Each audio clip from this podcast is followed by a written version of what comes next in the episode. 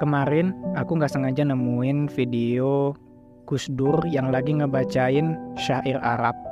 Syairnya bagus banget sampai-sampai aku ngeluangin waktu buat ngambil buku dan ngambil pena terus nyatet syairnya.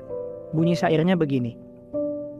Ketika ibumu melahirkan engkau, wahai anak Adam, engkau menangis dan orang di sekitarmu semuanya tertawa gembira.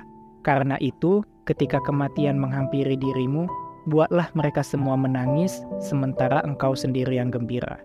Di dalam syair Arab itu terkandung nasihat kehidupan yang menurutku layak untuk menjadi bahan renungan. Nasihat tersirat yang pertama ada di paragraf Ketika ibumu melahirkan engkau, wahai anak Adam, engkau menangis dan orang di sekitarmu semuanya tertawa gembira. Apa maknanya menurutku? Kelahiran kita sebagai manusia atau bisa dibilang kehidupan lah. Kehidupan manusia itu sebermakna dan seberkah itu sampai-sampai hanya dengan lahir saja sudah bisa membuat orang menjadi bahagia, membuat orang menjadi gembira. Dan kenapa itu bisa terjadi ya karena adanya kasih sayang dan juga cinta. Kelahiran manusia membawa cinta kepada orang-orang yang ada di sekitarnya cukup dengan lahir saja. Padahal pada waktu itu ya kita cuma bayi yang baru lahir, kita belum mengerti perasaan orang, kita belum mengerti bagaimana dunia ini bekerja, bagaimana dunia ini berputar. Kita bahkan be belum tahu, belum paham apa makna sesungguhnya dari kehidupan. Tapi justru kelahiran kita bisa membuat orang lain menjadi gembira, membuat orang lain itu berada dalam fase sukacita yang begitu besar. Itu adalah berkahnya dari kehidupan manusia. Artinya manusia itu hidup, kehidupannya itu adalah sebuah hadiah dari Tuhan, makanya membawa rasa senang kepada orang-orang yang ada di sekitarnya. Itu yang pertama. Dan secara tidak langsung syair itu juga mengajarkan kita untuk menjaga nilai cinta, menjaga nilai kasih sayang itu tadi supaya jangan sampai pudar. Jangan sampai ketika kita mulai tumbuh besar, kita mulai tumbuh dewasa, rasa cinta orang-orang di sekitar kita terhadap kita itu jadi menurun, itu jadi memudar bahkan menghilang karena keburukan-keburukan yang kita lakukan. Entah mungkin ada perlakuan kita yang tidak mengenakkan mereka atau kata-kata kita yang menyakiti hati mereka. Yang kemudian langsung disambung lagi sama paragraf yang keduanya.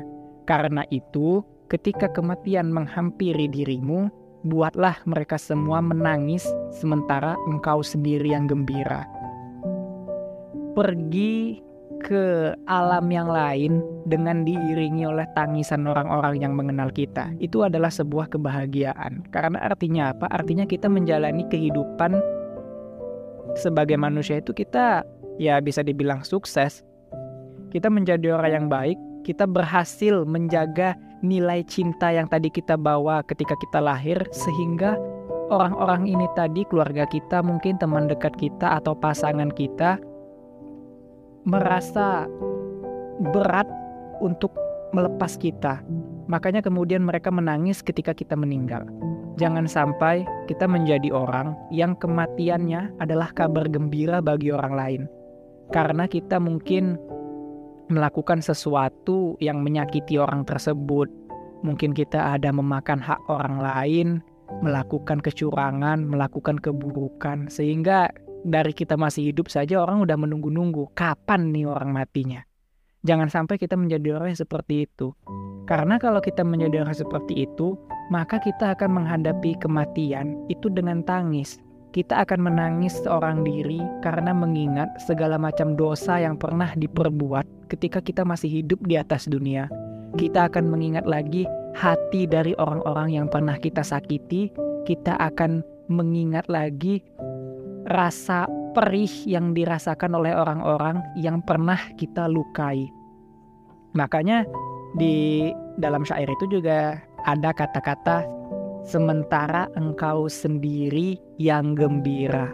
Karena kita harus menyambut kematian itu dengan gembira. Kita harus menyambut kematian dengan sukacita. Ya, karena kita ini kan seorang hamba, kita ini seorang makhluk. Cita-cita terbesarnya seorang hamba tentu saja bertemu dengan tuannya, bertemu dengan majikannya. Cita-cita terbesarnya seorang makhluk ya bertemu dengan penciptanya. Kita hidup di atas dunia ini untuk mencari siapa itu Tuhan, untuk mencari Tuhan, untuk mencari rahmatnya Tuhan. Lalu ketika kita mati, kita mendapatkan tiket ekspres untuk bertemu dengan Tuhan. Lalu kenapa kita menangis? Apa yang kita tangisi dari kematian? Harusnya kita bergembira dong, karena ya namanya kita makhluk ketemu dengan penciptanya, harusnya kita merasa bahagia. Nah, dan itulah yang menurutku kemudian bisa kita bahas lagi sebagai bahan renungan, kenapa seseorang menangisi kematiannya. Kenapa kebanyakan dari kita takut untuk mati atau merasa tidak siap untuk mati? Alasannya sebetulnya sederhana. Dan menurutku eh, gak secara garis besar alasannya itu ada dua. Yang pertama adalah karena takut marahnya Tuhan, karena kita semasa hidup sering bikin salah. Dan yang kedua adalah karena sungkan. Dan sungkannya pun juga penyebabnya sama dengan alasan yang pertama tadi. Ya karena semasa hidup sering bikin salah, sering melanggar aturan-aturannya Tuhan. Jadi ketika kita mau kembali ke sisinya, kembali ke pangkuannya, kita itu merasa takut, merasa nggak enak. Karena selama hidup kita jauh dari dia, tiba-tiba kita mau kembali ke sisinya.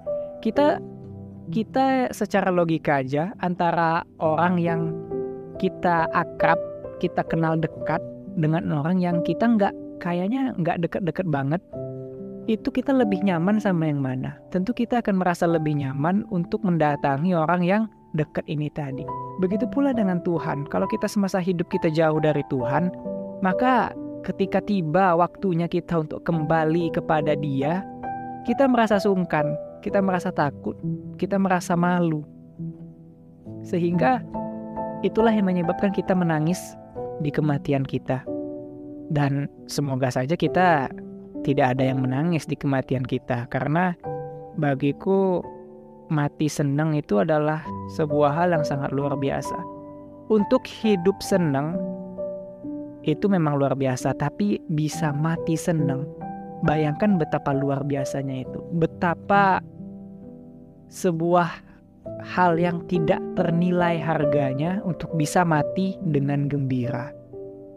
Karena kita kembali kepada pencipta kita setelah menjalani hidup yang baik kita semasa hidup tidak pernah ngebully orang, semasa hidup kita tidak memakan hak orang, tidak menyakiti orang, atau mungkin kita menyakiti orang juga, tapi sedikit.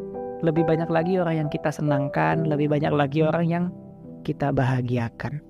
Makanya semasa hidup diusahakan untuk banyak-banyaklah menebar kebaikan supaya orang-orang itu menangisi kematian kita dan kita bergembira kembali ke pangkuan yang Maha Kuasa.